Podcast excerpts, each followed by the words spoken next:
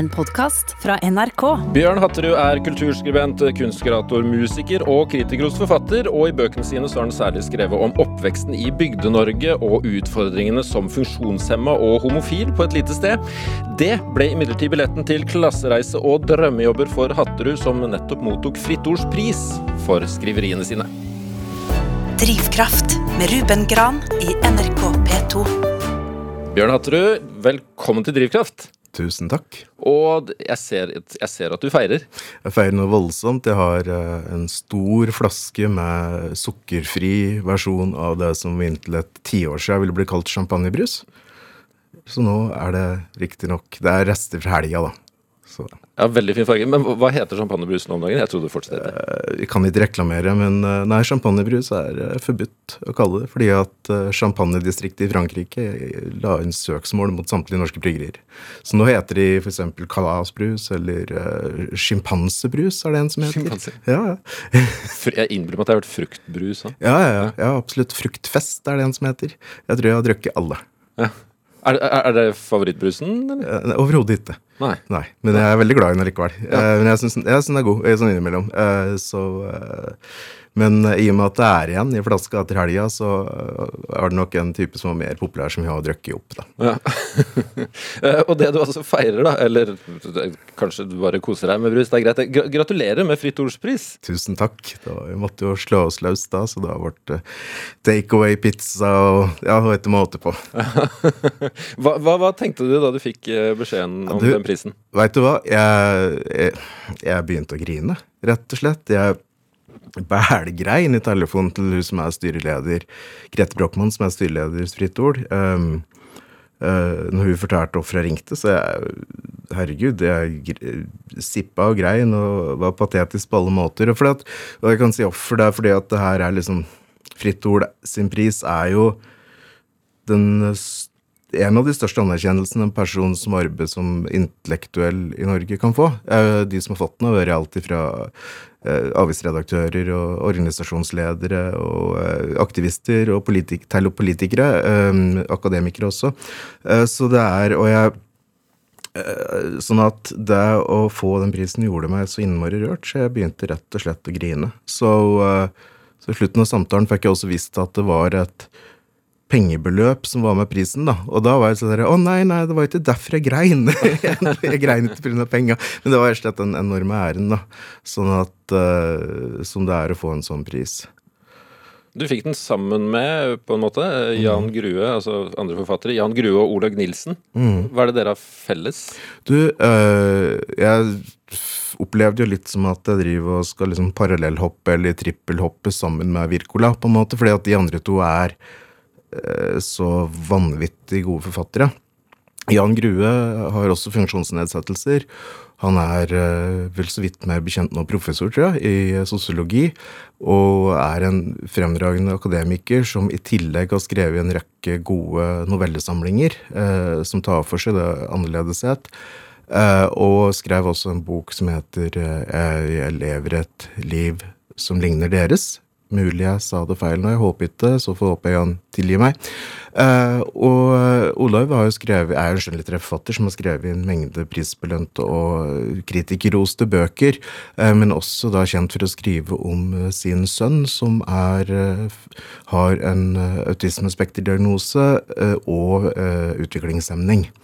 Eh, Sånn at eh, det vi vil ha felles, er at vi har dratt veksel på egne erfaringer, og så forma litteratur av det, da. Eh, Og ifølge det Fritt Ord skriver, så er det sånn at uh, vi er av relativt få offentlige stemmer i Norge som uh, tar for oss det, funksjonsnedsettelser Altså de med funksjonsnedsettelser sin eh, rolle og, i samfunnet, da. måte. Og, eh, så jeg syns jo den begrunnelsen eh, var veldig godt skrevet også, og jeg syns jo det var utrolig begjærende å få lov til å få en pris med den begrunnelsen, og i det fantastiske selskapet da, av de andre to. Så du, du føler at du er et godt selskap der i den trioen? Enormt. Altså, jeg er jo eh, Jeg ser veldig opp til de andre to. Så, sånn at det her er eh, Ja, virkelig. Stas. Veldig. Ja. Veldig. Men du, hva innebærer din eh, funksjonsnedsettelse? Du, jeg er født med en form for ryggmargsbrokk. Eh, og så er jeg født med eh, klumpfot og en variant av klumpfot som het spissfot. Jeg har lammelser, eh, særlig utpreget i høyre beinet. Jeg har en del nerveskader, jeg har ortopediske skader, forandringer i hoftebekken osv. Så, videre. så det er en relativt sammensatt diagnose som jeg da er født med. Altså det her er meg født.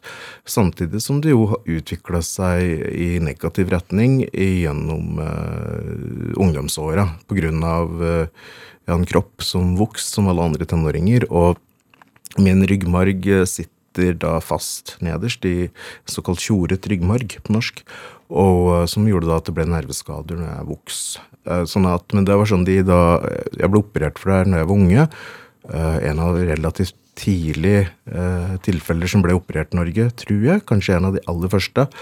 For, som ble operert for det her. Eh, og det de den gangen ikke visste, var at ryggmarger har en tendens til å gro fast igjen i operasjonsområdet. Så de gangene de får inn pasienter som har tilsvarende diagnose som meg i dag, så legger de inn eh, et lag med Gore-Tex, sånn som du har i eh, turskoa dine, mm -hmm. i ryggen for at det ikke skal gro fast. Så det var en langt svar på et kort spørsmål.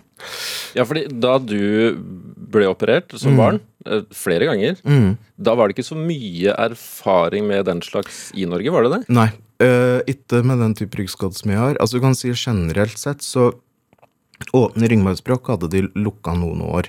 Uh, men uh, mitt, uh, min form for ryggmargsbrokk var ikke åpen, det, men det var en um, Det gikk et lipom, altså en fettansamling inn, så det var ikke sånn de så på meg når jeg ble født.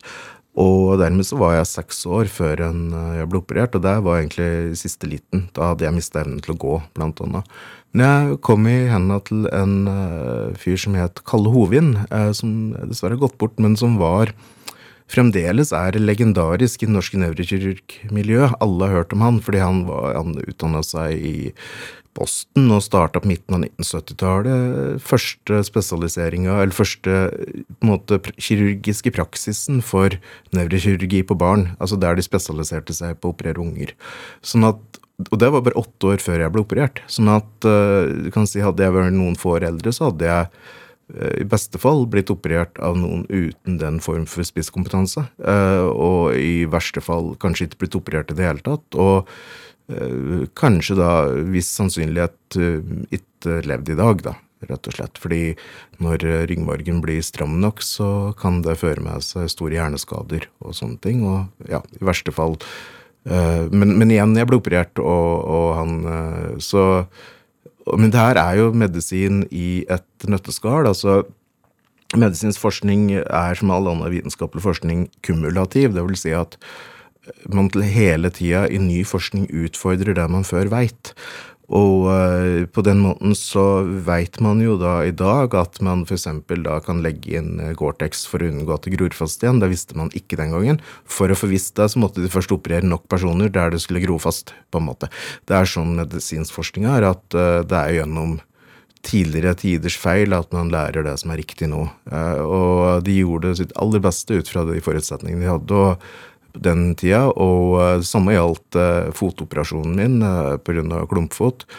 Der skriver jo Jan Gruve i sin bok om at han pga. foreldra hadde noe helsekompetanse, så forhindra de det inngrepet på han, tilsvarende som jeg gikk gjennom i foten. det har gått relativt bra hos meg, men hos mange som gikk gjennom den type klumpfotoperasjon, så fikk de store problemer etterpå. Mm. Så det er også sånn som de har etter det jeg har forstått, mer eller mindre slutta meg i dag, hvis det ikke absolutt må. Sånn at, eh, så du kan si kroppen min er sånn sett uh, lite innblikk inn i, i uh, liksom sånn bitte, bitte, bitte, bitte lite, veldig smalt innblikk inn i utviklingstrekk i norsk medisinsk historie. Det er interessant. Men hva, hva, husker du fra da du var barn? Altså Du har tilbrakt en del timer på operasjonssaler, mm. eh, venterom, mm. eh, senger.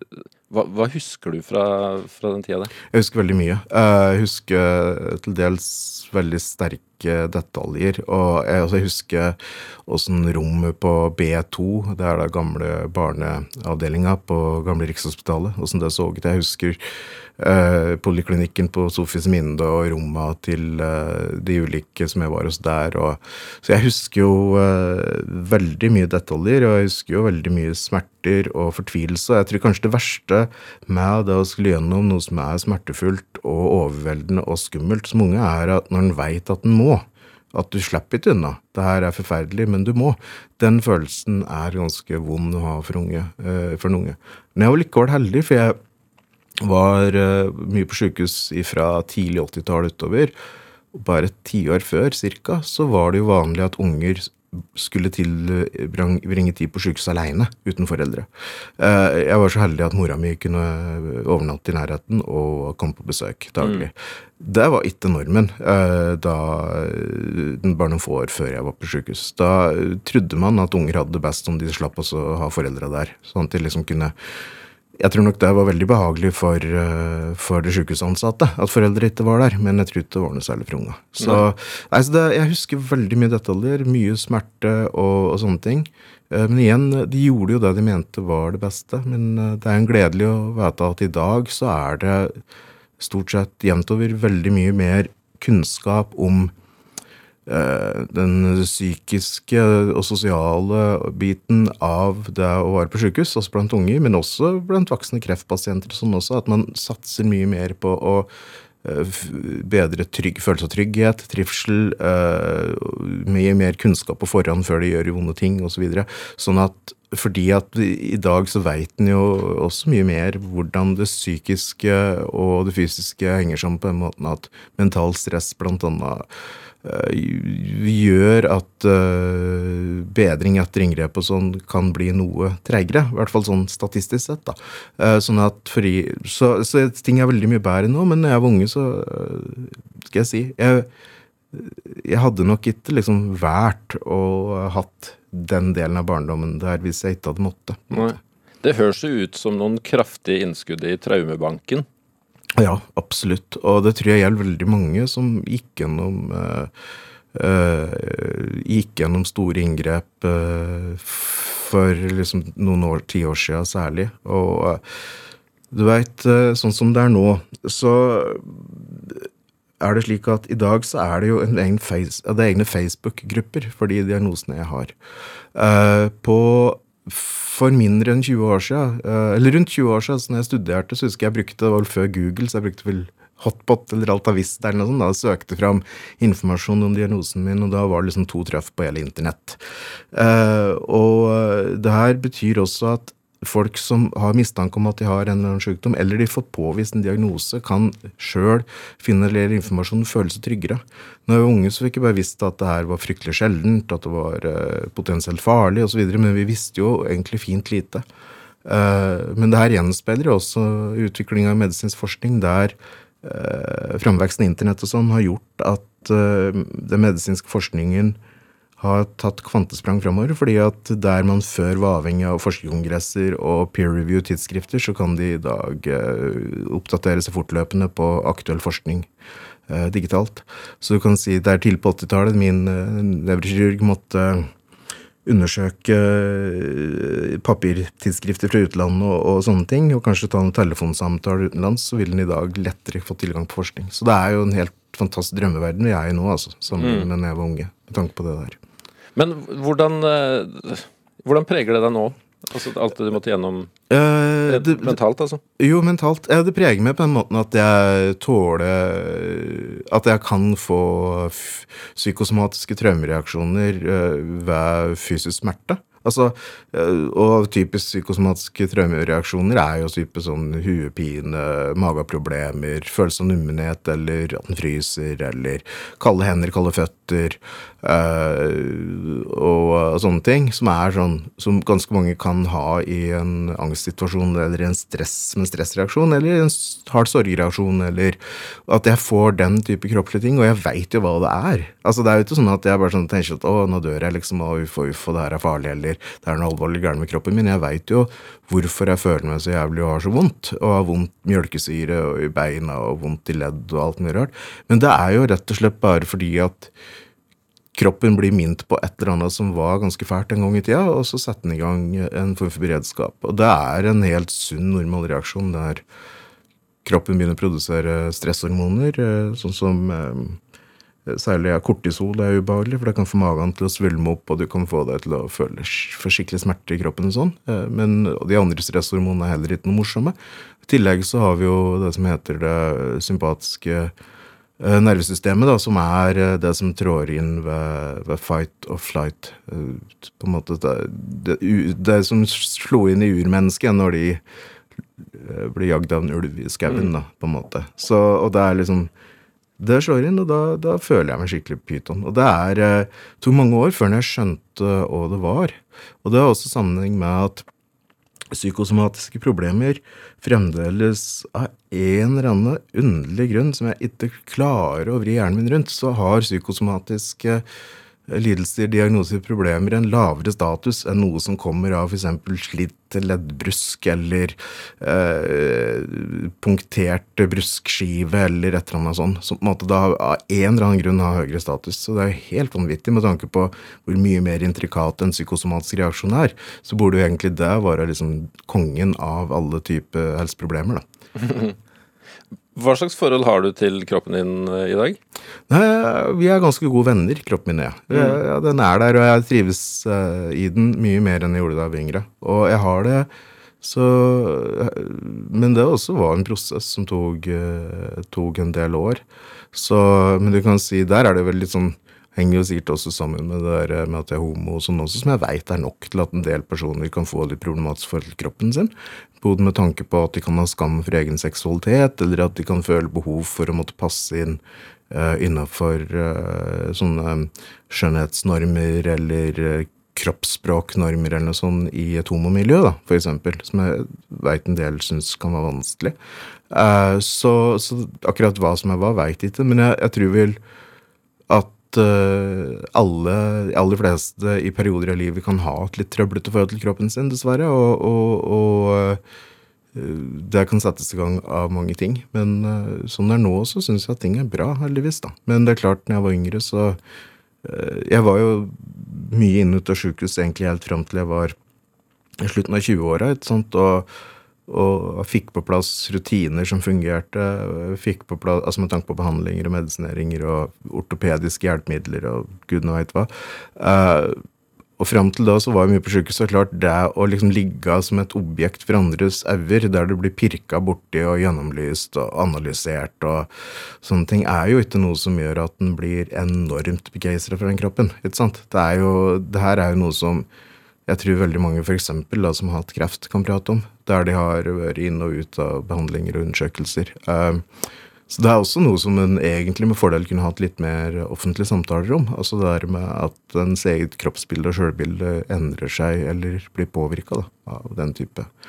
Det, det, av det å være underlagt behandling i helsevesenet. Mm. Så. Veldig mange har jo vært uh, innestengt uh, det siste året mm. uh, pga. pandemien. Altså man er mye aleine med mm. sin egen kropp. da. Mm. Tror, du det, tror, du det, gjør noe med folks syn og forhold til kroppen sin?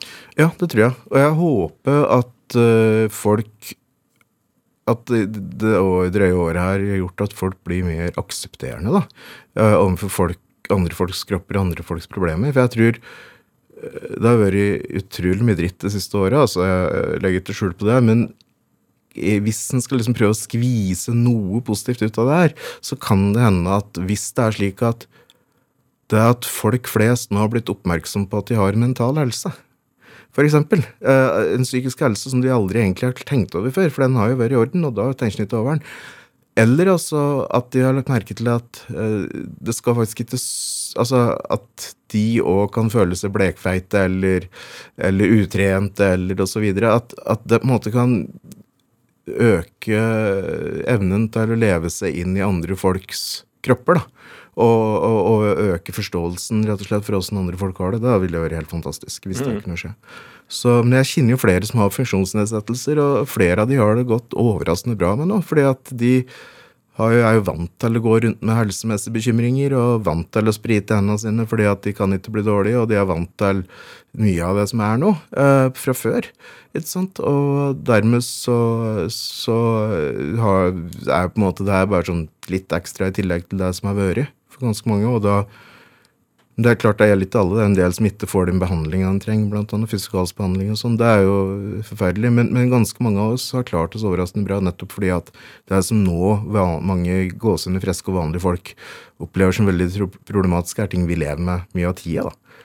Så Hvordan har det siste året vært for deg? Nei, jeg, det har vært i vinter så syns jeg det var kjett, altså. Men det var jo så mørkt og trist og forferdelig. Jeg pleier å reise sydover en måneds tid eller halvannen hver vinter bare for å komme unna. Jeg går dårlig, og kombinasjonen av is og snø og sånn, og måten jeg går på, er ute akkurat noe særlig, og jeg blir fort nedkjølt også.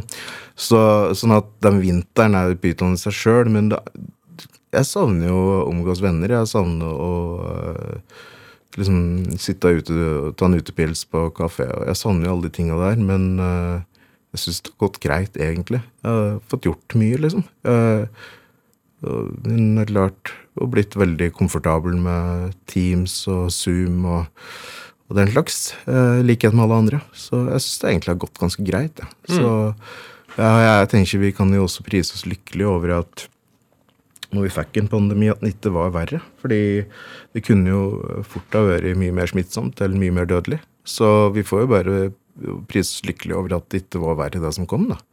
Rett og slett. Mm -hmm. Men her, for du snakker om eh, på en måte fordeler, eh, ja. eller sånn tross alt. Det, ja. ting, ting, kan jo være, ha en bra funksjon. Har, har funksjonsnedsettingene dine gitt deg noen muligheter som du ikke ville hatt uten? Ja, jeg tror det. Eh, det ene er nettopp måten kanskje jeg tenker på nå. Altså at uh, det er en sånn derre amerikansk saying at hvis uh, liv gjør det sitroner, så lag limonade. Og jeg tror jeg blir ganske god på å lage limonade. Mm -hmm. uh, sånn at Og relativt god på liksom å løfte blikk og, og riste av meg ting. fordi at en, for at jeg har fått visse styrker da, ved å ha en kroppslig annerledeshet. Uh, så, så, det er det ene. Og det andre er at jeg ser jo verden litt annerledes enn andre gjør, fordi at jeg går litt annerledes, og jeg kan bli fortere sliten og ha litt andre forventninger og litt andre muligheter i kroppen min. Og, og så er det også at jeg får litt annen sosial speiling enn andre gjør. Uh, jeg halter når jeg går. Og det er ikke mange i uh, Oslo som halter, og det har sammenheng med at vi har et veldig godt helsevesen, så de aller fleste som har ortopediske skader, slipper unna det. Uh, slipper unna halting. Og de som da er såpass dårlige at de halter, de er som regel enda litt dårligere til å gå, så de sitter gjerne i rullestol. Så jeg er en liksom, en minoritet av uh, hvite menn under 80 som halter. Når jeg sier hvite menn, så er det fordi at en del som kommer som flyktninger fra krigsområder og sånn, kan ha ortopediske skader, f.eks., eller ha manglende behandling, så de kan halte. Så det at jeg får annen sosial speiling, eh, og den kombinasjonen at jeg ser verden litt annerledes og får litt andre tilbakemeldinger, gjør altså at jeg opplever en form for annerledeshet. da.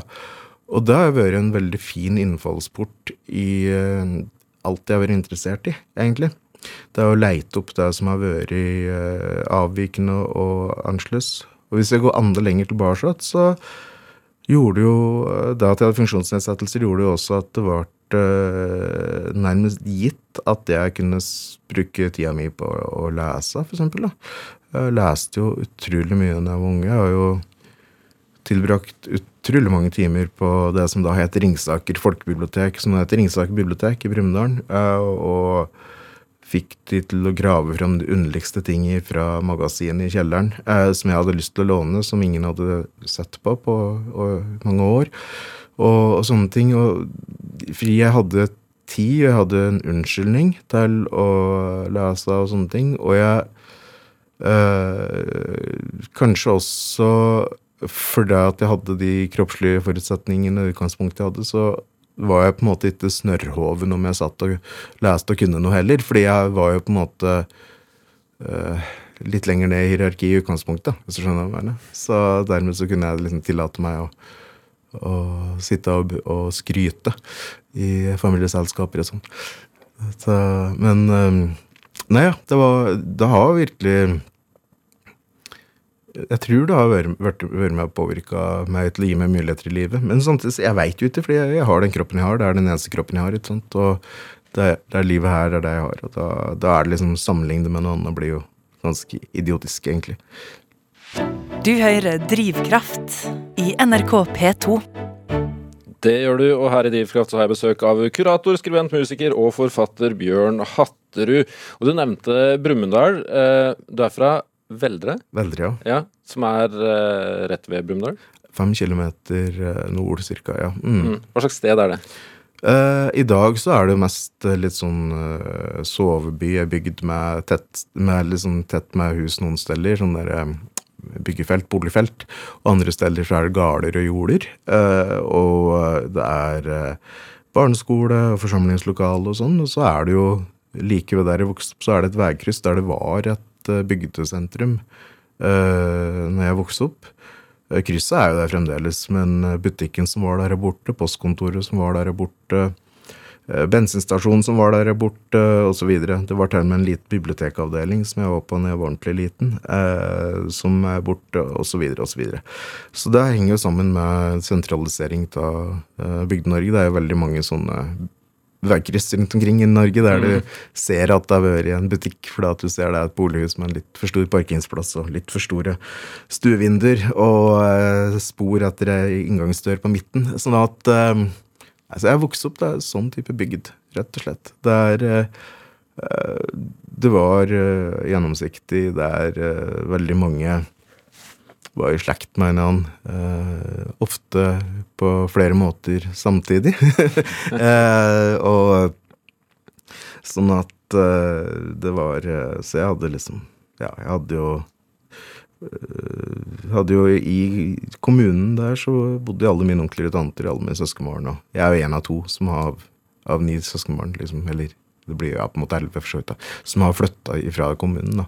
Så De andre bor der fremdeles og har familiene sine der og sånn, men oppe i bygda så var det liksom Hva jeg si? Det var øh, øh, oversiktlig. Og, øh, men jeg syns det var veldig trygt. Mm. Og, og, jeg følte vel at at Ja, jeg, jeg, følte meg trygg og, og, og velkommen liksom der. Så. Hvor, hvor stort ansvar for det har foreldrene dine? Det er klart det er øh, altså, nei, altså for all del. Altså uten de så Ting kunne jo gått riktig så galt, uh, sagt ellers. Altså de har jo stilt opp for meg noe så enormt.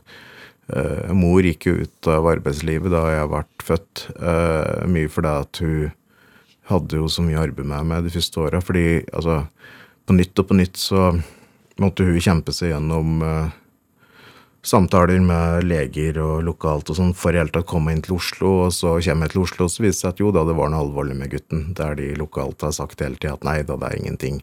Så hun, hun sto jo på dag og natt, og far sto jo på dag og natt for å jobbe inn penger. Eh, sånn at det er klart Og det er kombinert med en veldig sånn at veldig eh, aksepterende og veldig eh, støttende i alt jeg har gjort. Det har betydd enormt mye for meg. Det er klart. Så det, det er jo med på å forme min opplevelse av bygda der, selvsagt. Uh, hva hva jobba faren din der, forresten? Uh, han, jeg var unge, så var han uh, landbruksmekaniker. Det vil si at han reiste rundt og reparerte eh, traktor og slåmaskiner og eh, skurtrøskere og den slags. Eh, mye traktorer. Eh, etter hvert så begynte han å selge eh, traktor og landbruksredskaper, så da, eh, så da reiste han rundt. Men skrudde mye. Veldig mye. Eh, da jeg var unge, så var det alltid veldig sånn hender fulle av sår mm. fra mm. skruing. Ja, Og moren din jobba frem til hun eh, Frem til jeg ble født, så jobba hun deltid. Og så uh, kunne jeg ikke gå tilbake til Hun jobba fulltid frem til broren min ble født, og så jobba deltid. Uh, så, men hun kunne ikke gå tilbake til jobb, og det hadde så mye sammenheng med at jeg var Jeg, jeg lærte, klarte ikke å gå før jeg var to år. Jeg jeg hadde så mye helseproblemer da jeg var unge, så, sånn at det var ingen sjanse i verden til at du kunne ha kapasitet til å, til å ut i arbeidslivet. Men når jeg var sånn 11, så begynte jeg å jobbe igjen. 10-11. Da begynte jeg å jobbe um, først som ufaglært uh, i barneskole med unger med spesielle behov. Uh, og seinere så tok han fagutdannelse som barne- og ungdomsarbeider da han var i slutten av 40-åra. Så, uh, sånn at hun uh, jobba jo skal si, Den kompetansen hun opparbeida gjennom å ha hatt meg i noen elleve års tid, brukte brukte da i skoleverket mer for å for å hjelpe unger som til dels kom fra ressurssvake hjem, til dels hadde funksjonsnedsettelser eh, eller hadde ulike former for nevrodiversitet eller kognitive problemer. Eh, så, sånn at eh, Så hun hjalp veldig mye, mange folk. Og det er jo fremdeles sånn at jeg møter folk som prater om henne og takker henne fordi at hun var der og stilte opp når de trengte det som unge, og at de husker henne veldig mm. ut fra den rolla. Så, så, du kan si min det at jeg er født med de funksjonsnedsettelsene jeg har, har jo muliggjort jo på mange måter min klassereise, i og med at jeg har sett ting på litt andre måter, og at jeg etter hvert fikk uh, støtte fra Nav til å studere og hadde god tid til det uten å få studielån og sånne ting. Uh, men det muliggjorde også min mors klassereise, da, i og med at hun faktisk endte opp med å jobbe likeverdig med andre på sånn skole. Mm. Så, så, det kom jo sånn sett uh, skal jeg si, endringer i livet til både henne og meg i positiv forstand også, da, på grunn av at jeg er født med de, den kroppen jeg har. da. Man får brått inntrykk av at moren din ikke bare er mora di, men en veldig nær venn òg. Mm. Uh, du har jo skrevet boka 'Mjøsa rundt' med mor. Mm. Uh, er, er, hun venn først, eller er hun mor nå? Er mor først uansett, tror jeg. Det vil jeg jo alltid bli. Jeg vil jo alltid være hennes vesle sønn, sjøl om jeg er 43. Eh, sånn at eh, Men eh, nei, vi er, vi er, jo gode venner. Og, men jeg er jo jeg er jo eh, god venn med broren min og faren min også. Og jeg er veldig glad i familien min, rett og mm. Du har reist mye med moren din, ikke bare rundt Mjøsa? Nei, vi har kommet lenger enn det, da. Nei, vi har eh, reist en del ferieturer Særlig i Øst-Europa, fordi der er det jo så billig. Og da kan vi kjøre drosje og mye vi vil, og kan vi drikke alkohol uten at det koster så mye, og vi kan ha ålreit leilighet eller fint hotellrom og sånne ting. Så det er jo stor stas. Så Og det Altså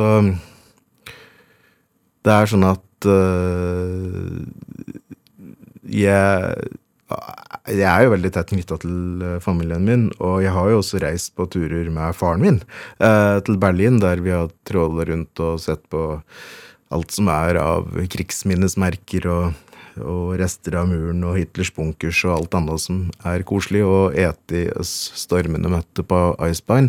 Eh, sånn at de nei, de er veldig fine folk, begge to. Og det å kunne liksom reise sammen med de gjør også at jeg tenker at da har vi liksom opplevelser sammen som voksne som, uh, som gjør at vi uh, ja, har har god kontakt og, og, har gode minner sammen og sånne ting. da. Jeg syns mm. det er veldig koselig, rett og slett. Så det er noe jeg har gjort egentlig fortløpende helt fra jeg var i jeg vet ikke, slutten av 20 år eller noe sånt. Mm. Så, Men da du var barn, ja. la, la, oss si da du lå på B2, ja.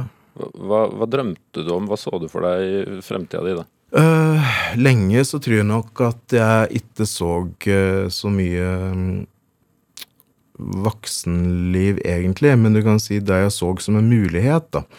Det som jeg så på som uh, idoler. Um, og som jeg kanskje tenkte Det var jo på en måte folk som var eksentriske og rare og, og sære og, og annerledes da fra liksom normene. Det kunne være eh, sånn som eh, tidlig Altså surrealister som eh, Salvador Dali, det kunne være dadaister. Jeg, husker, jeg var veldig opptatt av eh, Max Ernst og Marcel Duchamp og Tristan Sara. Men jeg var veldig fan av Andy Warhol med noen punkere. Og, og når jeg så ting fra hippietida, syntes jeg det så veldig spennende ut. Og så alt som måtte skilte seg, som jeg opplevde skilte seg fra eh, normen på en eller annen måte. Da. Eh, hvor gammel var du da du la merke til de tingene? Nei, jeg tenker det må være fra jeg var sånn rundt elleve og oppover, tenker jeg. Mm. Eh, eller der omkring, da. At jeg Jeg husker jeg var veldig sånn jeg var 14, så så jeg en 'Stranger Than Paradise' av Jim Jarmusch. Og ble veldig betatt av musikken til Scream J. Hawkins. Da jeg var eh, 13, så skrev jeg en eh, særoppgave om John Lennon på ungdomsskolen, men da var det Yoko Ono jeg ble mest interessert i. Eh, så det var liksom eh, Jeg tror delvis gjennom kulturdekninga til NRK, eh, og delvis gjennom eh, og Der kan det høres litt sånn sprøtt ut i dag, kanskje, men kulturdekninga til VG Jeg pleide å kjøpe VG for lommepenger eh, daglig fra jeg var sånn elleve år, for å prøve å Fordi jeg syns ikke lokalaviser hadde nok om eh, internasjonal politikk og, og, kultur og sånn. Og der var det jo en del, kulturdekning eh, i gamle dager. Eh, og eh, vel en del fremdeles, men det var nok kanskje enda mer da.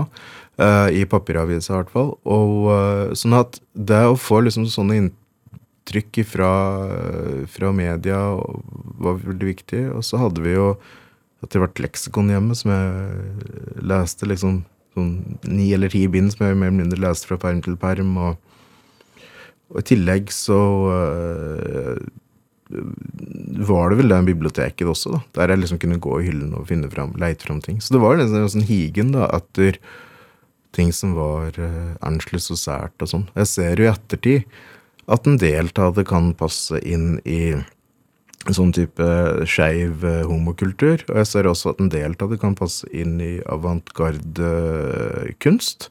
Eh, sånn så jeg, etter hvert så har jeg fått Og en del kan passe inn med liksom dyrkning av dårlig smak. Eh, Trash-ting.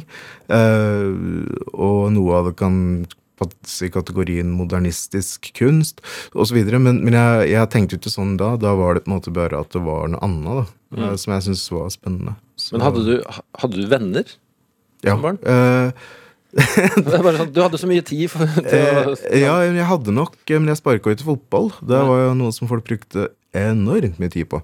Uh, og uh, det var mye sånne ting jeg ikke gjorde. Men jeg hadde jo Jeg hadde venner på, fra barneskolen, så hadde jeg jo Var jeg jo venn med Egentlig med tror jeg alle gutta i klassa. Og og sånne ting. Men jeg var jo særlig mye hos var, Det var liksom Odd Egil og Willy og Eljar, men kanskje særlig var jeg mye hos Anders, som var uh, som kanskje ikke var så opptatt av kulturting som meg, men som var veldig opptatt av politikk og samfunnsliv. Så jeg husker vi, vi diskuterte veldig mye politikk sammen og sånne ting. Jeg husker særlig før valget i 89, da jeg var tolv, så diskuterte vi veldig mye Eh, prøvde oss på valgresultat og, og, sånne ting på forhånd. Syntes det var spennende. Så Nei, men jeg, jeg, hadde jo venner, men jeg hadde nok mye tid for meg sjøl. Jeg har egentlig alltid vært litt sånn glad i det òg, da. Og trekke meg tilbake og geeke. Eh, det som jeg i voksen alder har skjønt at kalles å researche, men som jeg da alltid har gjort fordi jeg syns det er moro. Mm. Sette meg inn i ting, rett og slett. da. Det syns jeg er artig. Det, apropos venner, det, det, går rykter om at uh, du er kompis med Yoko Ono? Kompis er kanskje å ta i, men uh, jeg er en av hennes 5000 nærmeste, i hvert fall, ifølge Facebook.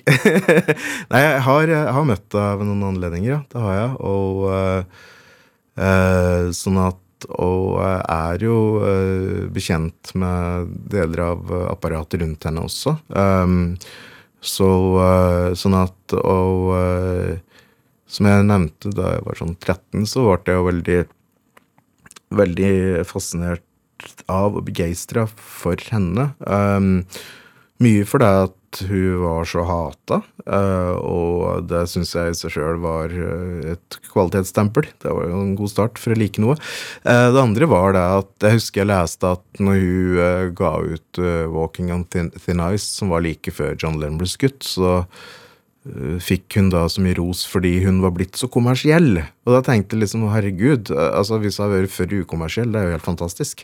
Eh, så jeg prøvde å finne musikken hennes, og fant jeg noe på kassetter som hun ga ut sammen med Lennon, som de hadde på biblioteket i Brumunddal, som jeg fikk spilt over på hennes låter på en egen sånn opptakskassett og sånn. da. Så jeg var veldig opptatt av Det var også fordi hun var, liksom, hun var jo venn av John Cage, som er liksom den virkelig viktigste konseptuelle samtidskomponisten av alle. Hun hadde jo et loft der uh, Lamont Young uh, var uh, kurator for programmet med, med performancer og sånne ting. Hun var venn av Ornette Coleman. Hun var jo liksom midt oppe i et spennende miljø før jeg møtte Lennon. Sånn at du kan si, Og hun var jo bankdatter. altså Hun var jo fra en rik japansk familie som da hadde eh, midlertidig mista kontakt med familien sin. For hun hadde jo røkket og skilt seg to ganger. Hun hadde jo gift to runder. Først med en japansk samtidskomponist, og så med en eksperimentell dansk filmskaper. Eh, sånn at hun var jo liksom utstøtt fra familien og tjente jo penger på å spille inn eh, horrorfilmer og litt sånn eh, litt sånn erotiske exploitation-filmer, eller hva det heter. Og, og sånne ting, og var helt utafor, liksom. Uh, alt på den tida. Og uh, valgte jo da å bli sammen med ei popstjerne. Som også er en ganske absurd ting å gjøre når du kommer fra en veldig sånn finkulturell bakgrunn. Da.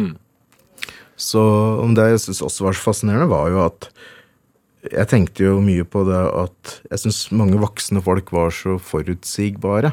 Uh, og litt sånn eh, at de la så bånd på seg sjøl. Og hun eh, begynte jo å spille inn uh, popsanger når hun var nærmere 40. Og det syns jeg også var, virka utrolig sånn befriende. da. Det å liksom tørre å, tørre å skille seg ut sånn, og være liksom uh, en, skal jeg si, en asiatisk dame på nærmere 40 som spil, altså Hun var jo født to år før Elvis Presley, og som endte opp da, endte opp da med å lage punkrock og sånne ting på slutten av 70-tallet. Det var så mye der som var så rart, og det syns jeg var veldig morsomt. da. Mm.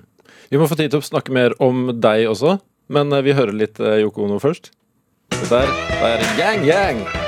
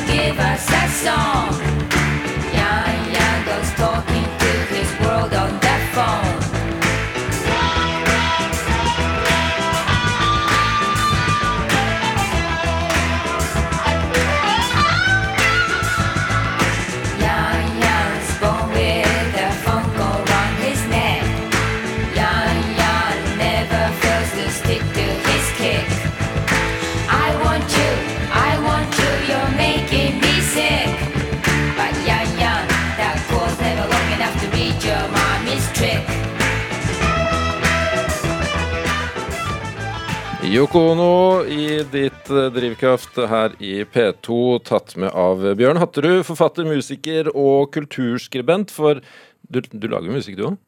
Ja, jeg gjør det. Mm. Slapp en plate seinest i fjor.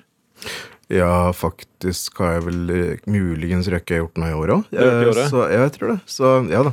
Det er eh, Jeg fryktelig lang tid før jeg liksom kunne si at å, jeg er musiker. Jeg er jo egentlig sikkert ikke det, fordi jeg klarer knapt nok å spille instrument. Men jeg lager musikk på data. Altså, jeg husker jeg kom i snakk med en eller annen musiker internasjonalt, og han sa ja, but you make music, don't you? Jeg var sånn, jo, jeg gjør det. Then you're a musician. Så jeg var sånn, ok, da.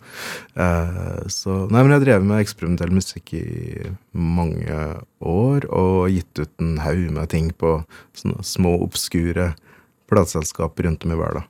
Ja, primært. ja, fordi musikken din er ganske variert. Altså, det siste jeg hørte som du ga ut, er uh, litt sånn hakkende uh, tekno med mye ordspill i titlene.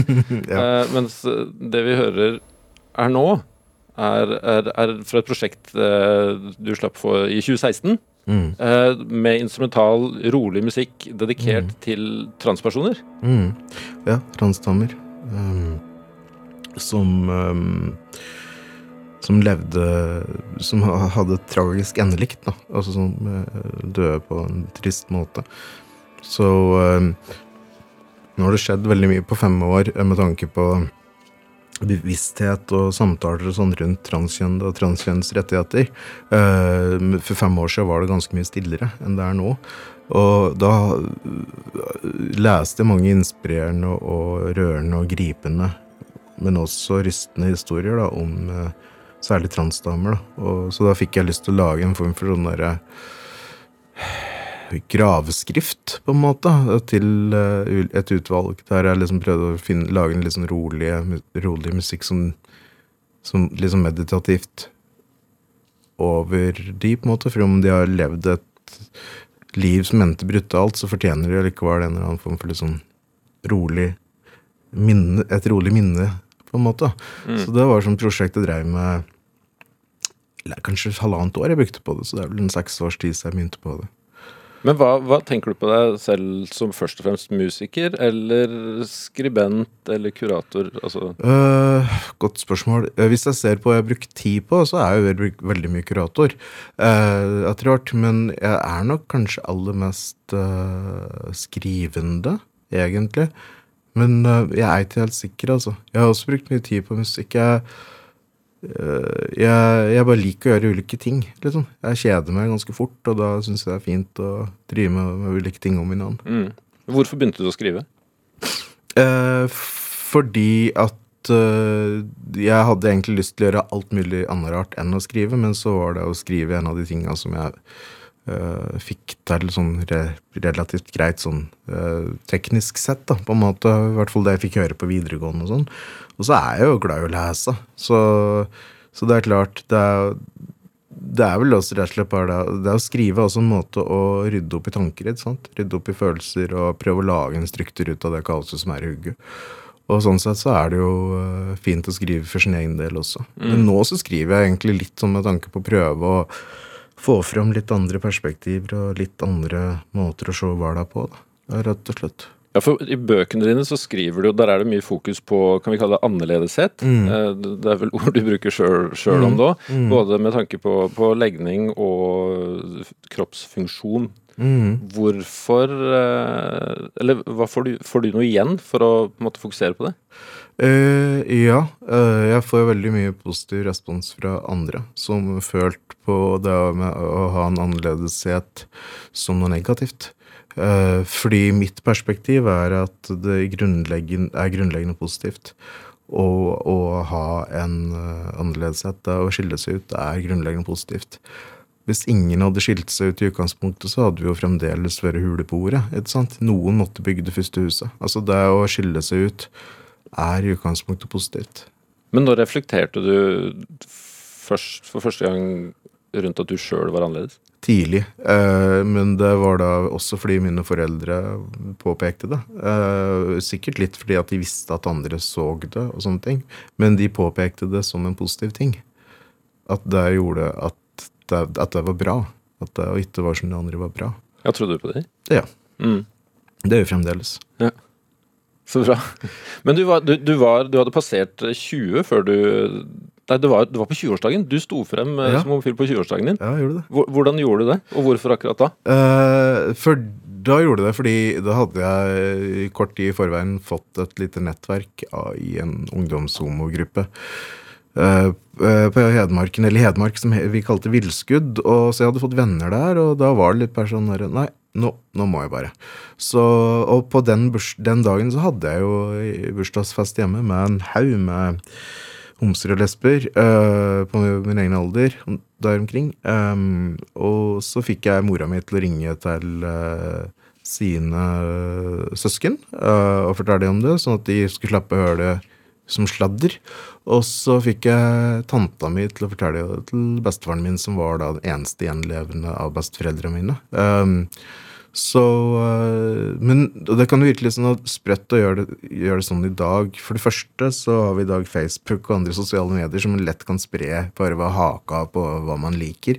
For det andre så er det ikke det å stå fram nødvendigvis så stort lenger, fordi heldigvis så har vi nå en generasjon som er et, En generasjon under meg er veldig aksepterende rundt det med kjønn og seksualitet. Eh, der det er vanlig at man i omgangskretsen har folk som er både ikke-binære eller transpersoner, der det er folk som er bi og pann og, og, og homser og lesber og sånn.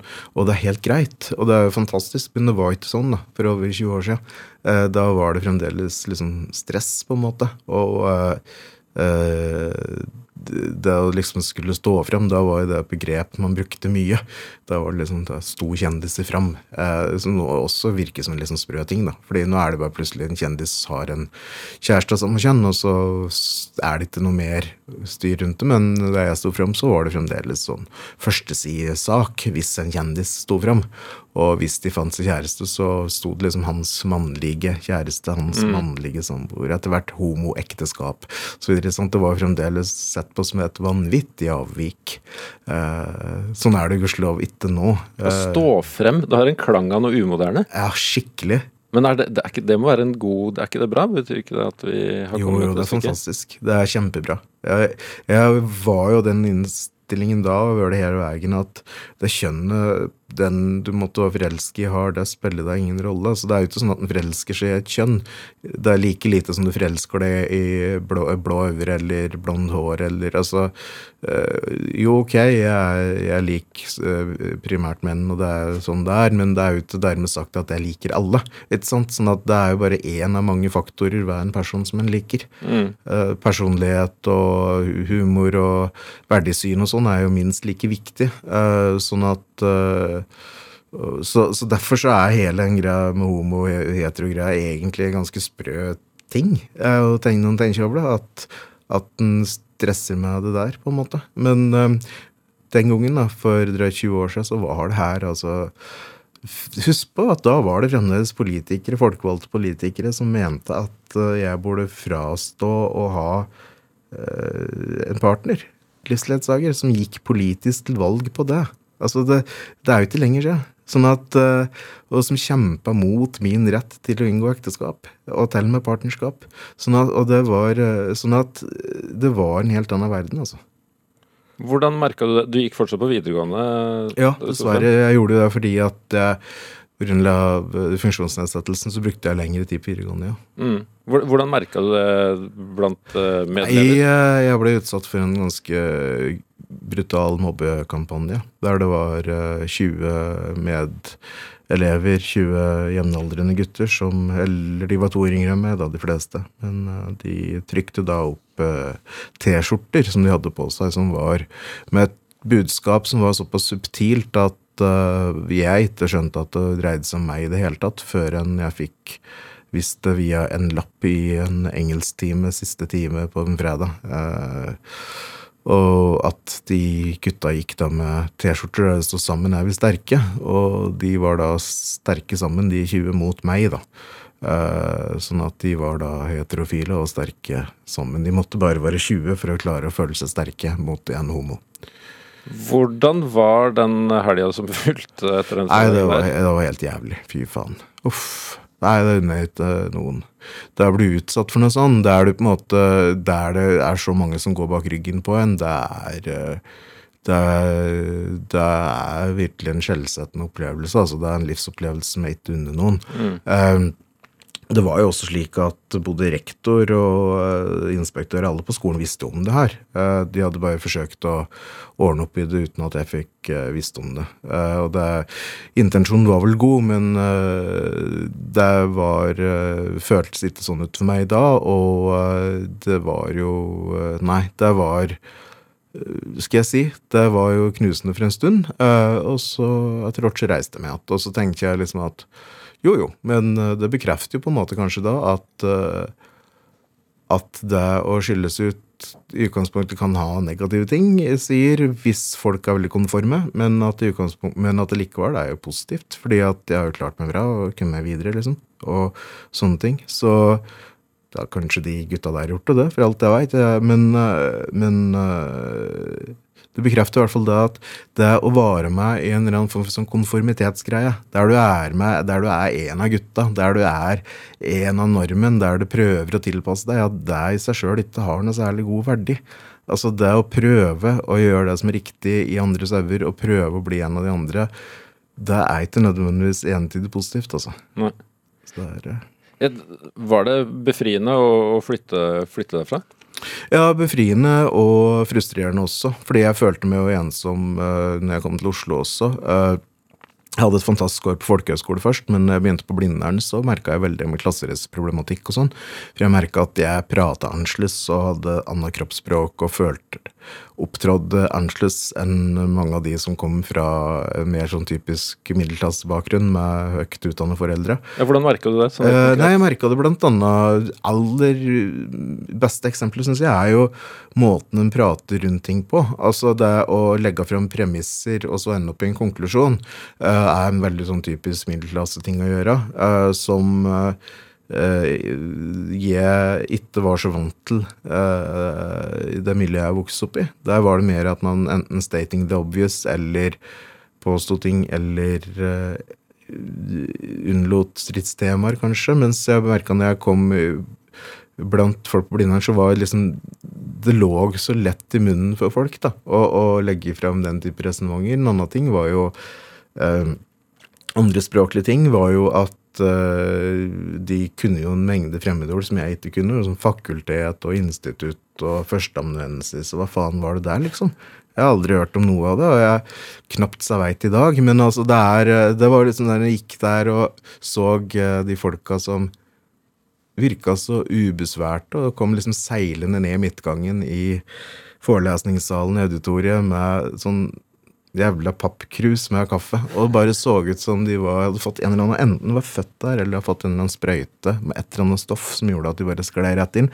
Det husker jeg var endeløst frustrerende, og gjorde at jeg følte meg veldig annerledes på en negativ måte. Men igjen så ser jeg jo det at det å være klassereisende gjør at en uh, lettere kan få et utenfrablikk og et kritisk blikk på konvensjoner innad i akademia, f.eks. Som jo er kjempepositivt hvis en skal skrive kritiske tekster om noe som er akademisk. Altså det å ha et kritisk, en kritisk innfallsport til uh, uh, normer og sjangre i eh, vitenskap og sånne ting, det er eh, verdt noe, det, altså. Bjørn Atterud, tusen takk for eh, praten. Sjøl takk. Du kan høre flere Drivkraft-samtaler eh, i NRK Radio eller der du laster ned podkast. Og så må du gjerne gi oss tilbakemeldinger og tips om folk du mener har drivkraft. Det kan du gjøre til drivkraft, alfakrøll, nrk.no. Og så finner du oss også på Instagram. Der heter vi NRK Drivkraft. Produsent i dag, Kjartan Aarsand, har fått hjelp av Siv Wammer. Jeg har vært Ruben Gran. Nå får du straks siste nytt. Ha det godt. Du har hørt en podkast fra NRK. Hør flere podkaster og din NRK-kanal i appen NRK Radio.